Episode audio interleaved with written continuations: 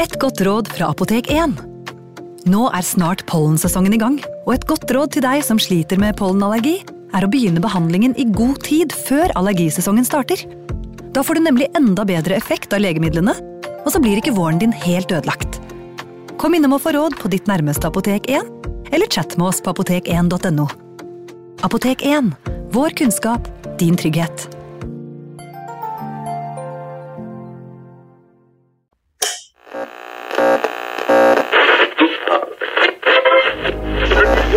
Vi skal gjenta særmeldingen i dag. Nummer én Kjerringa er galen.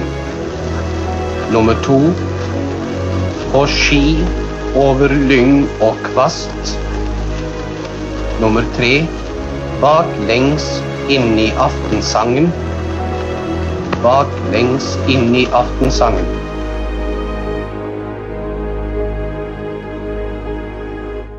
September 1944. Um, den er klart for nye likvidasjoner, og nok en gang var det i Oslo, og på Majorstua faktisk, som var et slags uh, et sånn uh, populært sted, både bo for uh, folk som skulle likvideres, og faktisk utføre attentatene, da. Ja, det er jo som du sier, altså vestkanten i Oslo, uh, iallfall de sentrale delene av den, var jo som det er i dag, også den gangen, et populært område å, å bo i. Og eh, mange av, av, Altså de som hadde høyere stillinger i nasjonal samling, i politiet, og som ble likvidert, de bodde jo i området rundt Frogner, Majorstua, Ja. Marienlyst. Og eh, de ble jo da ofte likvidert om morgenen etter at de gikk hjemmefra. Eh, og de hadde ofte det samme hverdagslige mønstre fra, fra dag til dag, og da var det ikke så vanskelig å finne ut når de skulle gå på jobb, og når de gikk ut hjemmefra, og, og da var det sånn at man, man sto og ventet på dem, rett og slett, og det skjedde også denne morgenen her. Men eh, i motsetning til forrige gang og mange andre ganger, så er det ikke en politimann denne gangen som eh, kommer ut av utgangsdøra og spaserer mot jobben sin. Nei, han vi skal bli kjent med nå, han het eh, Knut Knutson Fiane. Han eh, var 49 år og eh, var eh, altså en, eh, en eh, såkalt trafikksjef i eh, Telegrafverket i, eh, i Oslo.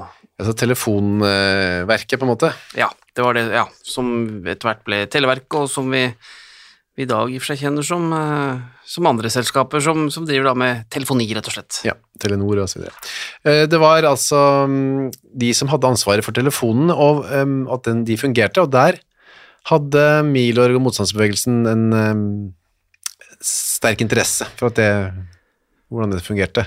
Ja, altså det, det som man gjorde ved dette, altså disse telegrafverkene, og, og i dette tilfellet her Oslo Telegrafverk, var at man greide å komme inn og, og avlytte telefonlinjer. Ja, Noe altså, som var selvfølgelig en viktig del av motstandsarbeidet. ja, øh, hvordan hadde man det? Utro tjener, holdt jeg på å si, eller Ja, koblet man seg på? ja, det kan være i og for seg begge deler. Ja. Altså man måtte få tilgang øh, øh, til å komme seg inn og koble på linjer, men man måtte jo også ha folk på innsiden. Ja. Og Det hadde man. Det hadde man her, og øh, dette var jo da noe som lederne i, øh, i Telegrafverket, da, eller øh, i dette tilfellet Knut, Knutson Fiane, etter hvert ble klar over, Ja. og forsøkte med ulike metoder å stanse. Og det er jo det som, som, som skjer her. Og det som Fiane da har gjort, er at han har varslet både statspolitiet og det tyske sikkerhetspolitiet om at det er personer blant hans ansatte som da tydeligvis er involvert i avlytting av linjene um, som går da f.eks. inn til det tyske sikkerhetspolitiets lokaler på Victoria eh, terrasse. Og det ble også varslet om fra ansatte i Telegrafverket at Fiana har hatt besøk både av både av norske og tyske polititjenestemenn inne på sitt kontor nede i Drammensveien 2, hvor eh, da de hadde, hadde lokalene sine.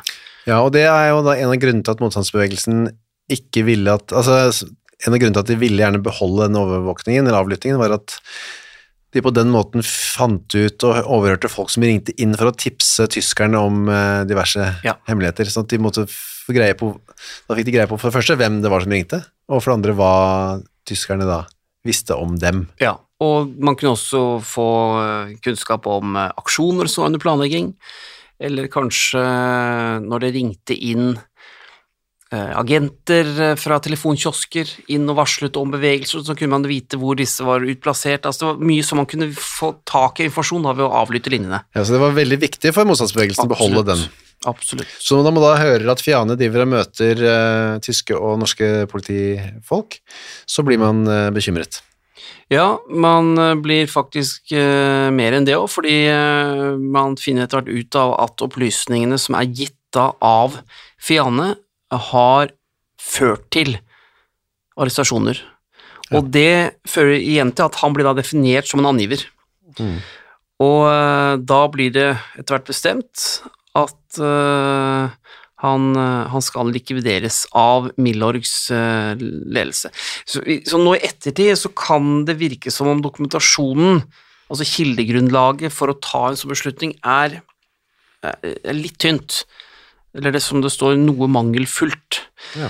Men eh, likevel så da blir det da bestemt, fordi, eh, fordi han, han da blir eh, Man antar han da, han, han da er en, en, en angiver og, og blir sett på som farlig. Han går ut om eh, morgenen den 21. september, torsdag. Ja, og det gjør han som vanlig. Litt før klokka åtte går han ut døra. Han bor eh, i en leilighet eh, i Maries gate 12C, som ligger da på Majorstua, altså i bydelen, Frogner. Mm. Og der bor han sammen med kona si, Alvilde Sofie heter hun, og um, han kaller henne Vesla, iallfall når han er i godt humør. Og de to har jo vært sammen siden 19, uh, 1922, så Ja. det er jo uh, holdt sammen nå, da. Ja. Bare her. Han har på seg frakk, jakke, bukse, skjorte, vest, eh, som vi har sett eh, og hørt eh, mannen gjerne hadde, herrer på den tiden, på vei til jobben. Ja, og i lomma, så, eller i lommene på frakken, da, så har han noen vanter og et lommetørkle. Så det er jo tydelig at han er forberedt på at det skal bli høst. Ja. Og så pleier han å gå da det lille stykket da, eh, hjemme fra Maries gate her, og så bort til eh, Bogstadveien. Han pleier å ta trikken ned til, eh, ned til sentrum. Men da møter han eh, to stykker som vi også har møtt mange ganger, Andreas Aubert og Henrik Henriksen, Ja, de er da ute på nok et, et oppdrag. sammen med en vi også har møtt tidligere, Erik Hansen Bakke. Ja, han er da en lokal medhjelper fra, fra Osloengen. De har jo så vidt rukket hjemom å skifte og lade revolverne sine, disse gutta her. Ja, det er jo som sagt bare tre dager siden sist, og eh, de er da Men sånn var det. Det var bare å jobbe, og eh, når ordrene kom, så, så måtte man utføre, og eh, Det er nesten ikke to de rakk liksom å spane ordentlig heller, før Nei, og mer. Det kan det også være at de har fått hjelp til det. eh, At det er et medhjelpere da, eh, lokalt som har tatt seg av spaningen. For de er åpenbart veldig eh, godt informert om hvor Fiane skal gå, eh, hvilken rute han pleier å følge eh, hjemmefra da, og til trikkeholdeplassen. Så de står eh, rett og slett og venter på ham altså, eh, da han kommer gående, eh, og er da kommet til Majorstuveien utenfor, utenfor en bygård som, eh, som da har adresse Majorstuveien 18. Ja. Og, eh, ja, og Fiane kommer gående der omtrent sånn en gang mellom fem og ti over åtte den morgenen. De går innpå han bakfra og skyter. Ja, det er et skudd som kommer bakfra. Og det første skuddet som treffer Knut Knutson Fiane, det er, det er ikke dødelig, for han fortsetter faktisk å gå, han. eh, Et par-tre skritt etter at han er truffet av dette første skuddet, eh, før han, eh, før han detter. Og blir vel liggende, så vidt jeg husker av bildene, så blir han liggende på magen. Um, Og det er et bilde her òg. ja, det er flere Ja, det er, ja nettopp. Det bildet som jeg har brukt her eh, i boken De kalte dem rottejegere, det er tatt like etter at man har kommet. Da ligger han på, på, på magen, og ansiktet er ned i, i asfalten. Men så har jeg sett noen bilder hvor de har snudd ham. Ja. De brukte jeg ikke i boka, Eh, men de ser ser jo litt mer både ansiktsuttrykk og og, og skadene på kroppen. Men, eh, men eh, etter at han da er blitt skutt eh, en gang, faller om, blir liggende på magen, så går da Aubert og, og Henriksen bort til ham, og så skyter de ham i og for seg flere ganger i overkroppen. Minst sju skudd treffer ham da. Og så er det ett prosjektil som går inn i tinningen, og et annet går inn i bakhodet. Så er det tre eh, prosjektiler, altså tre kuler, som går inn i ryggen, og de kommer ut gjennom brystet. Og, og så er det to eh, skudd som, ikke, som treffer som ikke er dødelige. Det ene rammer ham i og for seg underlivet, så det jo, må være et bomskudd, rett og slett. Og så er det ett som går eh, ja, i og for seg også inn i, i eh, eh, ja, ja, og opp og inn i magen, eh, eller opp mot buken. Men, eh, men de som treffer ham eh, i, i ryggen og går ut gjennom brystet, de har også en veldig sånn, sånn, veldig sånn tett samling, så der har man tydeligvis da prøvd å finne hjertet, og så, og så skyte ham da gjennom ryggen og, og, og, inn i hjerteregionen. De løper, eller vet jeg ikke, men de går i hvert fall vekk og setter seg inn i bilen som Erik Hansen Bakke sitter bak rattet på, og kjører av gårde. Ja. Hvorfor? Noen ganger var det sykkel, noen ganger var det bil. Ja, jeg eh, har ikke noen sånn god forklaring på det, annet enn at man valgte kanskje å, å forandre litt på både handlingsmønster og eh, måten man kom seg unna på, ble observert på, sikkert både for å forvirre litt, men også for at ikke man skulle kunne koble likvidasjonene, som nå kom ganske tett, uh, iallfall i Oslo her, eh, til de samme personene. Ja. Så eh, hvis man en gang så tre på sykkel, og en annen gang så en bil, og neste gang kanskje noen til fots, så, så har det ikke sikkert vært så lett da å, å se at dette her var et, eh, var et eh, mønster. Nei. Politiet kommer, de får beskjed fem på halv ni om at mannen har blitt skutt, og halv ni sender politiet, statspolitiet folk av gårde. Ja. Og så er det en 23-åring som ringer, han har et morsomt navn, Shan K. Shan Carl Bjarne. Det hører du ikke så ofte lenger. Nei, og Felix til etternavn, Jean, Jean Carl Bjarne Felix. nettopp, det er han, men han er en konstabel, eh, 23 år er han som du sa, og, og det er han som varsler da om at det er, det er eh, en telegrafbestyrer da, Knut Knutson Fiane, som, eh, som er skutt og drept. Ja. Det, ja, det sa du kanskje, kvart på ni. Kvart på ni, ja. Mm. De kommer og ser at han ligger på magen, ja, sånn som vi har på det bildet som du har i boka di. Mm. Noen har gått ut her, og så har de lagt eh, et, et ullteppe over ham når i og for seg statspolitiet kommer. Det er vel, um, det er vel uh, kriminalpolitiet som kommer først. Ja. Så uh, hvem som la disse teppene over, over den døde, det, det, det står det ikke så mye om. Men uh, det man ser ved siden av liket, da, da, da finner man da eh, ja, sju tomhylser. Det kan også ha vært i og for seg noen flere, for det, eh, det kan ha blitt skutt eh, dette som ble, ble, ble skutt, altså det første skuddet, så det kommer man kanskje over etter hvert. Og så finner man da en spaserstokk og en paraply der. Og etter hvert så, så blir jo da Fiane lagt over på ryggen, og han blir da fotografert, og det er de bildene jeg, jeg, jeg snakka om det i stad, og der der kan man se at ansiktsuttrykket hans det er ganske Altså, ansiktet er ikke skadet av, eh, av eh, skuddene som ble, ble avfyrt inn i bakhodet. Um, det, er, i og for seg ikke mye blod eller eh, eller, eller eh, Det er lett å kjenne han igjen. Et lite hull i tinningen, men eh, Og der er litt blod, og så er det noen blodflekker, men ellers så, ellers så har ansiktet eh, i seg ganske få skader. Jeg husker at bildet viser at han, han ligger med sånn halvåpen munn, og så øynene også litt oppe, så de bildene er jo tatt like etter at de har da vendt ham rundt. Da. Det var en eh, NS-medlem som bodde rett ved, som heter Carl Janner. Han eh, varslet og var villig til å fortelle, for han hadde jo på en måte da sympati for eh, han som var skutt. Ja, og, og hans uh, vitneforklaring uh, tyder på at eh, ja, han hadde da hørt bare seks skudd nede fra gaten, så han hadde kanskje telt, da, eh, eller så husket han litt feil. Men han hadde da løpt med en gang til vinduet og, og kikket da ned i gaten, da hadde han sett da uh, flere menn, som han sa, da gå inn i en bil uh, av eldre modell og, og kjøre da uh, i retning av, av Oslo sentrum. Og um, han greide også i og for seg å gi en brukbar beskrivelse av disse mennene, selv om han ikke hadde sett ansikten deres tydelig. Men, men han hadde greid å i for seg hvert fall fortelle litt hvordan de var bygd, og, og, og ja, hvordan de beveget seg og sånn. Og så greide han også i og for seg si at bilen hadde et regnummer som begynte på A, altså da trolig var fra Oslo. Ja. Uh, ja, og en del andre beboere blir også avhørt, selvfølgelig, og alle forteller da om, om en rekke skudd da, som blir avfyrt i, i rask rekkefølge.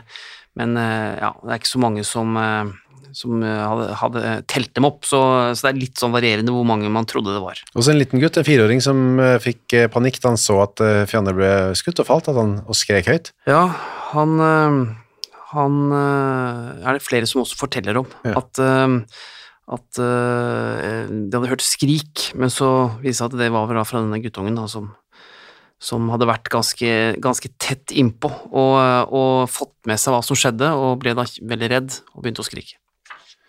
Du, vi går, eh, Erik, til eh, Det er jo obduksjonsrapporten og sånn, og dette er jo Han var eh, 81 kilo tung, 1,78. Og så ble man funnet i lommeboka veldig mye penger. Ja, 4000 norske kroner. Det må jo ha vært Altså, det er mye penger nå. Det er mye penger nå, og den gangen var det jo eh, selvfølgelig enda mer. Altså, da snakker vi om eh, Ja, nå tar jeg ikke helt den nå, men altså, vi, vi, snakker om titusener av kroner. Ja. Og han har også med seg 100 svenske og 25 danske. Så det er litt sånn eh, rart at han gikk rundt med så mye penger. Ja, for det er jo altså Hvem var det som gjorde det på den tiden der? Ja, og ser også at han hadde med seg en del papirer, og et nøkkelknippe også da i, i lommene på frakken. det er jo litt, og det kommer jo til nå veldig snart, da. Det er jo en del sånne rykter og historier om hvem han var og hvorfor han ble drept, som kanskje ikke ja, som ikke er bekreftet, da, men som er i hvert fall spennende å, å høre om, da. Eh, for Vi kan jo snakke litt mer om hvem han eh, var. Eh, for Han var jo ikke bare telegrafbestyrer, han var jo også for eksempel veldig sterkt engasjert eh, forfatter, eller en, nesten en aktivist. Ja, han eh, var veldig engasjert i målsaken, og Ja. han var jo også formann i uh, Noregs eh, mållag, Kom fra Tvedestrand. nettopp, i Aust-Agder, og veldig politisk engasjert fra han var, eh, han var veldig ung. Han var eh, altså veldig motstander av, eh, av kongehuset fra i og for seg lenge før krigen, og han skrev også eh, flere bøker. Han, eh, altså, var, han var forfatter, eller sakprosaforfatter. Ja. Skrev, men det var mye sånn, sånn ja, var kollega av deg, rett og slett. Ja, men han hadde nok også en litt annen tilnærming, vil jeg si. da. Hadde det? Ja, han skrev veldig sånn mye nazi... Å ja, det gjør ikke du. Eh, nei, skrev ikke helt. om dem. Ja, tror liksom. om dem, ja, men Ja. han eh, skrev bøker med veldig sånn klart sånn eh, nasjonalsosialistisk innhold. Og eh, ja, de hadde for eksempel titler som eh, Germansk samband og nasjonalsosialisme eller jødisk-asiatisk bolsjevisme i Europa. Ja. En annen tittel var sånn Kvifor er Europa i kamp med bolsjevikene og jødene? Ja. Så, og han var også veldig sånn aktiv i, under krigen da, med, med å skrive leserinnlegg og og kronikker i aviser og sånn. Han eh, hadde jo flere ting på trykk i Germaneren og Fritt Folk, og, og var veldig sånn politisk på at han angrep da frimur, jøder Og øh, jeg har lest noen av disse tekstene, da. det er mye sånn store ord. Veldig sånn, veldig orientert mot den der pangermanske ja. ideologien. Og var nok mer sånn tyskvennlig enn at han eh, nødvendigvis var så veldig tilhenger av, eh, av eh, nasjonal samling. Men han har også skrevet bøker om Jugoslavia, Ja. Palestina, Irland og Absolutt, han, hadde reist en del. Hadde vært i India, Afrika og Amerika og sånn, så han hadde jo, hadde jo skrevet da om, om de landene han hadde besøkt. For eksempel sånn Hva gjelder striden i Palestina, var en bok, og en annen var um, Irlands kamp for fridommen sin. Så, så han, han skrev og holdt foredrag om reisene sine, og var jo en sånn, hva skal jeg si, en, en nasjonalsosialistisk eller en nazistisk eh, eh, forfatter fremsto som intellektuell og, og god i språk. eh, holdt foredrag, som sagt. eh, ble nok sett på som belest, da, bereist, Ja. og brukte veldig mye tid også på, på denne målsaken, da. Og eh, i minneåret så kom man, eh, like, like etter at han var likvidert, så sto det at det, om Fiane, da. Han elska alt som var norsk, og hata all stakkarsdomen som det norske folk har tulla seg inn i. Han så det som det største skjemdarmerket at det norske folket allment ikke nytta det norske målet. Skjemdarm, altså liksom uh, Ja. Største som svik eller Ja, skuffelsen. sånt. Ja. Han vona at en gang skulle vært da såleis her i landet at alle i by og bygd heilt ut tala norsk mål. Altså nynorsk. Nynorske. Eh, Han var også eh, landsleder i Norges ungdomslag, bla, bla. Og Ja. byråsjef i Kultur- og folkeopplysningsdepartementet. Han var jo en eh, allsidig type, da. Ja, og så var han Han var jo en sånn hissig type òg, for han, han I minneordet om han så står det om at den gangen Fiane var så forbanna over at det, var ansatte som satt da i billettluken på Det Norske Teatret, der han var styremedlem, da. Ja. Og det han Fianne var så forbanna over, var at de, de snakka bokmål, Ja. og ikke dialekt. Og lagde da masse styr om det. Jeg kom, tenkte på, Gjør de det nå, eller snakker de nynorsk? Det, det har vært Når jeg var der sist, så tror jeg de snakka litt forskjellig. Litt Jeg tror- forskjellig, jeg bokmål. Ja, om, det, om, tok, om de tok det til følge, jeg lurt på. Men at han døde, ble, det ble en stor sak, for han var jo Ja. en, en, en notabilitet, nærmest. Ja, han var litt kjent, og det ble jo offentliggjort gjennom eh, i og for seg radiosendinger i NRK og, og, og, og litt sånn forskjellig.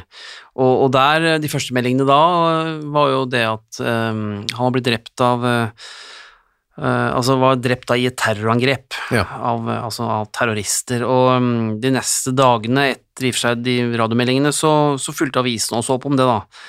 At, uh, at dette var et terrorangrep, og um, politiet gikk da ut og, og, og etterlyste vitner, og, um, og uh, ja, kriminalpolitiet var inne her, statspolitiets mordkommisjon, men uh, det kom jo nesten ikke noen opplysninger inn, egentlig. Det, det ble aldri oppklart, det her heller. Så uh, ble jo, ble jo værende som en Kall det en, en, en mordgåte, da, frem til krigen var slutt. Så var det da, altså under en uke siden sist, så var det da på nytt for f.eks. Sverre Risnes, da, justisminister, å Ja. sette kursen til uh, ny krematorium på um, Vestre Gravlund, Ja, eh, han var det. 27. september. Mm. Ja, bare noen få dager siden, siden sist, ja. Og da var det masse um, pynt og eh, flagg og Ja, Aftenposten skrev om denne gravferden her, og skrev at eh, krematoriet var pyntet med grønne planter, friske blomster og levende lys, og her var jo også i og for seg en, eh, en representant til stede fra Josef Terbofens eh, reiskommissariat, Ja. så, så tyskerne var jo også der inne, og kisten til Fiane var jo da drapert i et norsk flagg, og så var det da en rekke i og for seg fagforbund og offentlige etater og sånn som som var til stede her, da. Eh, altså det, Kall det det offentlige Norge, da, eller det offentlige nasjonalsosialistiske Norge. forbund som jeg ikke eh, kjenner til eh, om finnes lenger, det er for eksempel Oslo Telefonanlegg, Ja. altså Norsk Forbund for offentlige yrker. Kjenner Og- ikke det. Nei, det, nei, men Kvinnelig telefon- og telegrafforening Det er jeg ganske sikker på ikke finnes. Nei, den sikkert gått inn i noe annet. Ligger de, ja, de Alle de la ned kranser ved Ja, kistene? de hadde egne, egne kranser. Dette var jo da sikkert disse her foreningene som eh, var representert inni Telegrafverket, da, altså hans ansatte. Ja. Og igjen så er det denne Grieg og Våren Ja. som, eh, som, eh, som bisettelsen En gjenganger. Mm. Ja. Som bisettelsen blir, blir starta med. Og så var det en som het Feiling, som eh, holdt en slags preken, altså presten. Mm. Sigmund Feiling, og så han sa at eh, Ja, sånn som de sa, men han sa også at dette var en tid hvor nordmenn nå måtte være forberedt på å dø. Det var jo dramatisk sagt, da. Ja, eh, det var det, og så forteller han eh, Eller han fortalte, da, i, i, i gravferden her om at eh, han hadde snakket lenge med, med hun som da var blitt enken, altså Vesla. Mm. Og denne morgenen da, hvor Fiane ble, ble likvidert, så hadde kona hans fortalt at han hadde vært i sånn veldig godt humør, og at han hadde stått og nynnet på badet mens han gjorde unna morgenstellet. Og øh, det han hadde gjort da like før han gikk ut døra for å gå til kontoret sitt, det var at han hadde invitert av kona si uh, ut på middag uh, samme kveld, Ja. uh, ut på restaurant. Det jeg tenkte, det leste jeg, tenkte jeg kan ha vært det han skulle ha de 4000 kronene for, men uh, Det var veldig det var dyrt. det var veldig det, var en, dyrt. det var ikke bare en helaften. Nei, det hadde vært eh, nok til mange mennesker, sikkert. Det- mange restaurantbesøk. ja. Så det var ikke bare det. Nei, um, og um, så, som hun hadde sagt da, Vesla, i, i samtalen med presten, at uh, det var det siste hun så til ham. Og uh, i, ehm, i sin preken så fortalte hun også Feilin om dette, dette veldig, uh, veldig nære, eh, gode ekteskapet de to hadde hatt da i, i disse ja, 22 åra. Så han, altså, Fiane ble sett på som en som hadde gjort veldig mye bra, fått til mye, arbeidet hardt, skapt bøker og tekster og karriere da, både i parti og, og ute i, i, seg i arbeidslivet, og, og um, hele tiden hadde han hatt da kona si ved siden av seg, som hadde støttet da opp om alt han hadde gjort, og Ja. var noe av, av forklaringen på at det hadde gått så bra som det hadde da med han i, eh, i, ja, i karriere, karrieren hans, rett og slett. Så var det en, kom det en, senere, etter krigen, så kom det en, eh, ny vitnerapport som ble trykket i dette landet, avisen, altså dette bladet, Folk og Land, Mm. eh, men som da ikke hadde turt på en måte å komme fram under krigen, da, men som nå ville stå fram. Men den, det han beskriver er vel ikke noe særlig i kontrast til det andre som du har gravd fram? Nei, altså det er vel egentlig bare mer av eh, Altså det er detaljer rundt, eh, rundt selve likvidasjonen som, som kommer frem der. Eh, og eh, og eh, den i og for seg bare forklarer at ja, mer detaljert hvordan han blir likvidert, eh, rett og slett. Og eh, ja, dette vitnet forteller jo at den døde var forferdelig maltraktert. Jeg sa i stad at bildene ikke hadde så mye eller viste ikke så mye blodsøl og skader i ansiktet og sånn, men jeg har jo lest obduksjonsrapporten, og da var jo hodeskadene, altså inne i selve hodet, såpass omfattende at det var jo nesten umulig å se hvor innslagspunktet Ja. på prosjektilet, altså på pistolkulen, hadde vært. Så den hadde da tydeligvis eksplodert inni hodet. Men, men skadene som fra fotografiene er ikke så veldig omfattende. Men han sier at eh, denne anonyme mannen da, skriver at, eller kvinnen, at han eh, de to morderne på slutten her da, sprang over gaten med offerets dokumentmappe, kastet seg inn i bilen og kjørte vekk i rasende fart. Den drepte lå en blodpøl som bredte seg mer og mer. Uh, og den dokumentmappen, det kommer vi jo tilbake til, for det er jo litt eh, noe av de, disse ryktene, da. det stammer jo litt fra den. Ja, vi kommer tilbake til den. Men det som dette vitnet sier, da, er jo også at um, han burde ha varslet. Eller det er det han sier da til denne avisen, altså Folk og Land, som er jo da en, en avis for tidligere NS-medlemmer, men som han sier her, jeg skulle ha sagt fra til politiet, og så ber han da i denne artikkelen eh, enken da om tilgivelse for, øh, for at han var feig, som han da selv beskriver det som da. Som ikke jeg helt skjønner hva, hvilken forskjell dette skulle ha. Nei, altså det, Forskjellen her handler jo om at hvis han da hadde varslet politiet om det han så, Ja. om, eh, om vitneobservasjonen sin, så kunne disse to blitt arrestert, Og, fordi han kunne si hvordan de så ut, eller? for eksempel. Eh, eller han kan gitt bedre detaljer. Ja, eller, detaljer. eller, eller kanskje løpt etter, stoppet dem, altså den type Ja, det ting. kunne han kanskje prøvd på. da. Ja da, uansett så var det sånn at denne likvidasjonen fikk ganske mye oppmerksomhet eh, også ganske lenge etterpå, blant annet eh, fra en tidligere lingemann som syntes at denne eh, Svein Blindheim, som skrev en bok hvor han eh, syntes at denne likvidasjonen var litt mystisk og uforståelig. Ja, han skrev jo en bok som het Den lange reisen, et oppgjør med krigen, og der omtaler han jo denne likvidasjonen da av eh, Knut Knutson Fiane som mystisk, og mente den var uforståelig. Og, og det som skiller denne her likvidasjonen fra en del av de andre, er at stort sett da så ble disse her glemt, helt til uh, Helt til nå. ja, i og for seg helt til nå. Uh, eller i og for seg til, uh, til Arnfrid Moland kom med sin bok da i, på slutten av 90-tallet, og det var en del diskusjon rundt, rundt de bøkene som kom da, men, men eh, denne her ble løftet frem flere ganger uh, gjennom i og for seg hele etter, etterkrigstiden og, og blitt da kritisert. Og eh, altså, Blindheim mente jo at riktignok at Fianne var en overbevist nazist, Ja. svært aktiv uh, i Nasjonal Samling, men at han ikke gjorde eh, noe Altså, han var ikke involvert i angiverier, han hadde ikke utgjort en alvorlig trussel mot motstandsarbeidet, altså mot motstandsgrupper i Oslo-området, eller i og for seg i landet for øvrig. Og han nektet blant annet, altså Fiane, eh, å la seg utnevne til dommer eh, i Høyesterett av, eh, av justisminister Sverre Risnes. Ja, så han ble bedt om det. av- Ja, og med det da, mente jo da blant annet Blindheim at Fiane hadde vist at han ikke egentlig ønsket noe særlig å gå da helhjertet inn for nasjonalsosialismen. Og det er en annen historie om dette med, med Knut Knutson Fiane som har fått lov til å spre seg i stedet, Ja. og den, den, den har i og for seg fått leve gjennom da etterkrigsårene. Men rimelig pikant, da, spør du meg.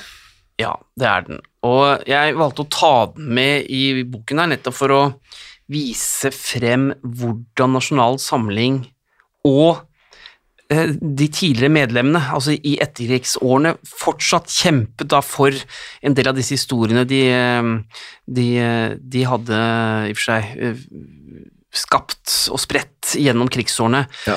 Og det de sa der, var at de mente at Fiane ble skutt og drept av en helt annen grunn enn at han var angiver.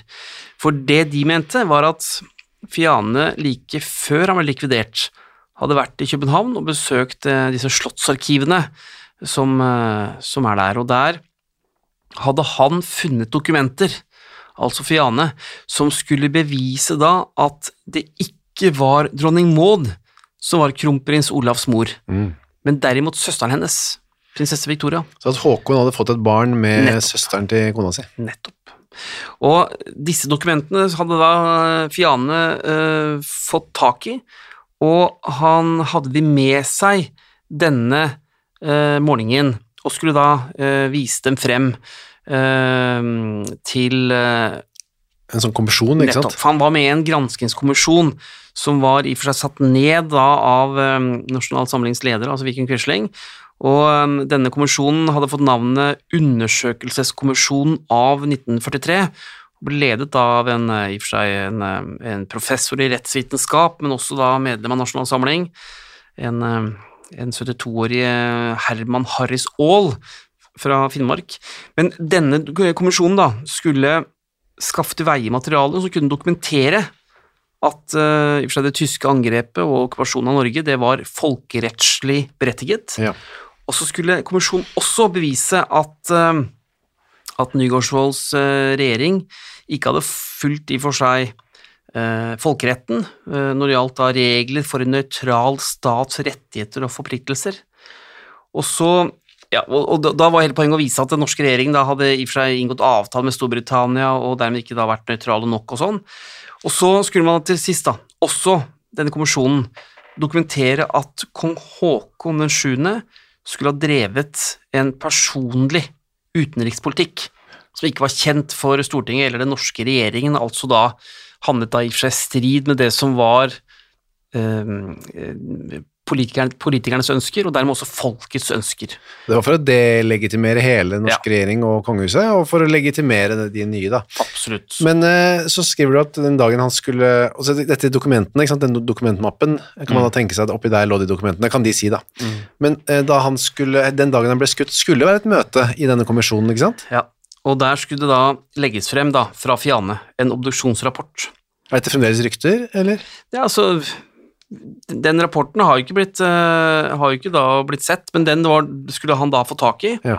Og disse funnene ville, ville da være veldig sentrale for denne kommisjonen, fordi disse legene hadde da visstnok obdusert Ja, to tyske leger, ja. Ja, ja, nettopp. Mm. Hadde obdusert da dronning Maud. Altså gått inn der hvor hun lå i Ja. Gamle Aker kirke. Ja, for hun eh, døde jo da i 1938. Ja. Og det de legene hevdet, var at Maud aldri hadde født noen barn, eller hatt keisersnitt. Og da skulle det- da vise seg at, eh, eller mente de, at Olav han var da født av, eh, av Mauds søster Victoria, og at han da dermed ikke var noen tronarving. Ja.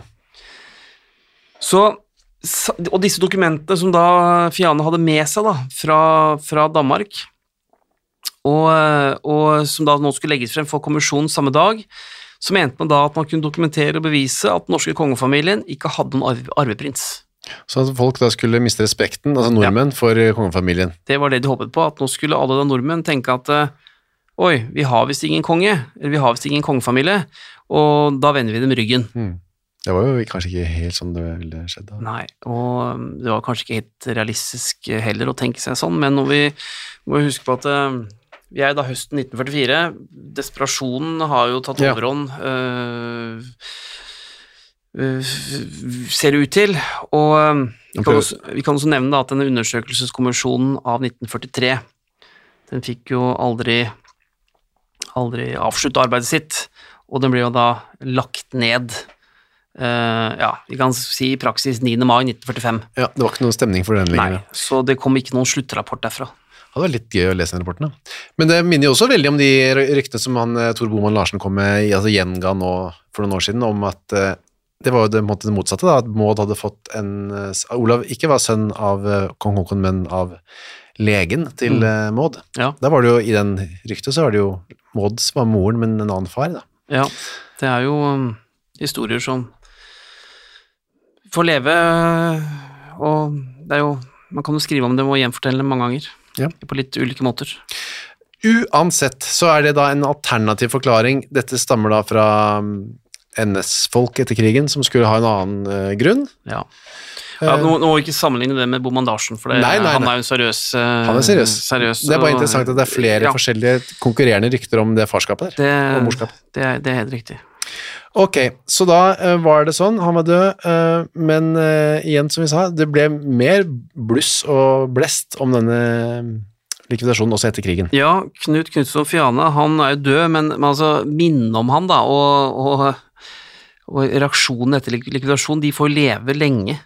Og nå er det jo da enken, altså Vesla, men uh, Alvilde Sofie, som, uh, som eh, hva skal jeg si, kjempe for mannen sin, også langt inn i, eller gjennom etter, etterkrigsårene.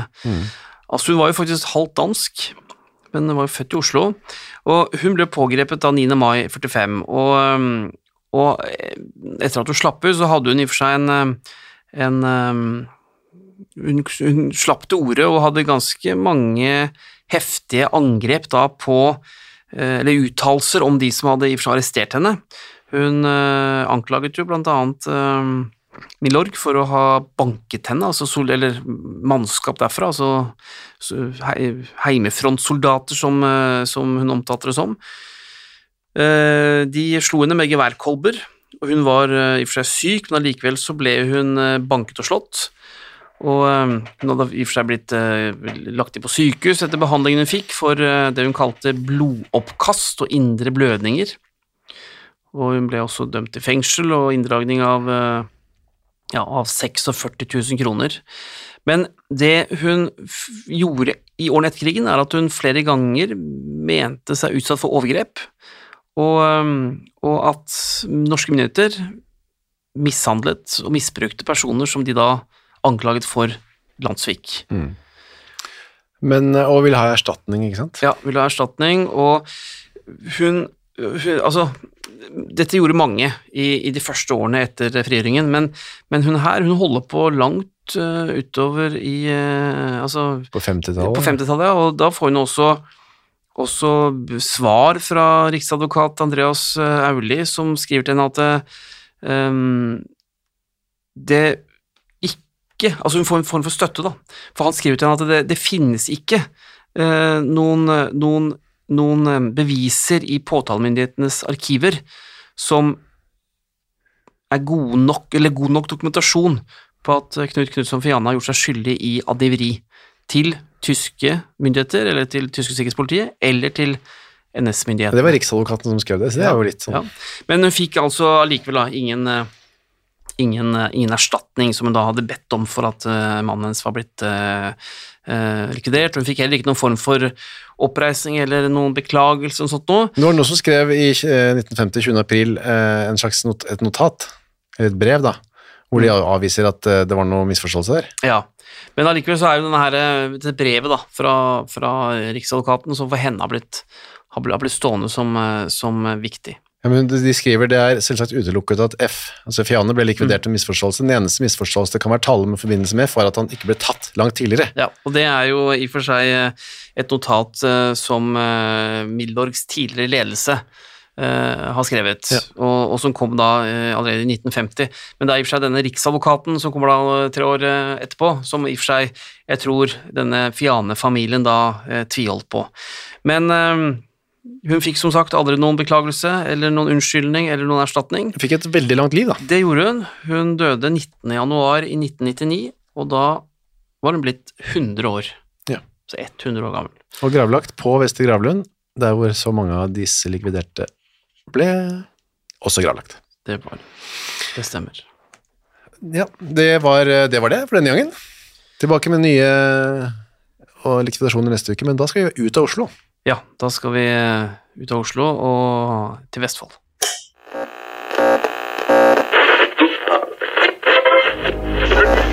Vi skal gjenta særmeldingen i dag. Nummer én. Kjerringa er galen. Nummer to.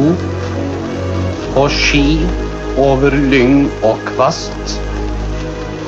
Nummer tre baklengs i aftensangen. Baklengs inn i aftensangen.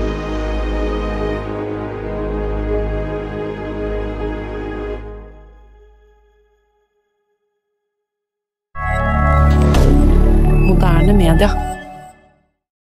Har du et enkeltpersonforetak eller en liten bedrift? Da er du sikkert lei av å høre meg snakke om hvor enkelt det er med kvitteringer og bilag i fiken, så vi eh, gir oss her, vi. Fordi vi liker enkelt. Fiken superenkelt regnskap.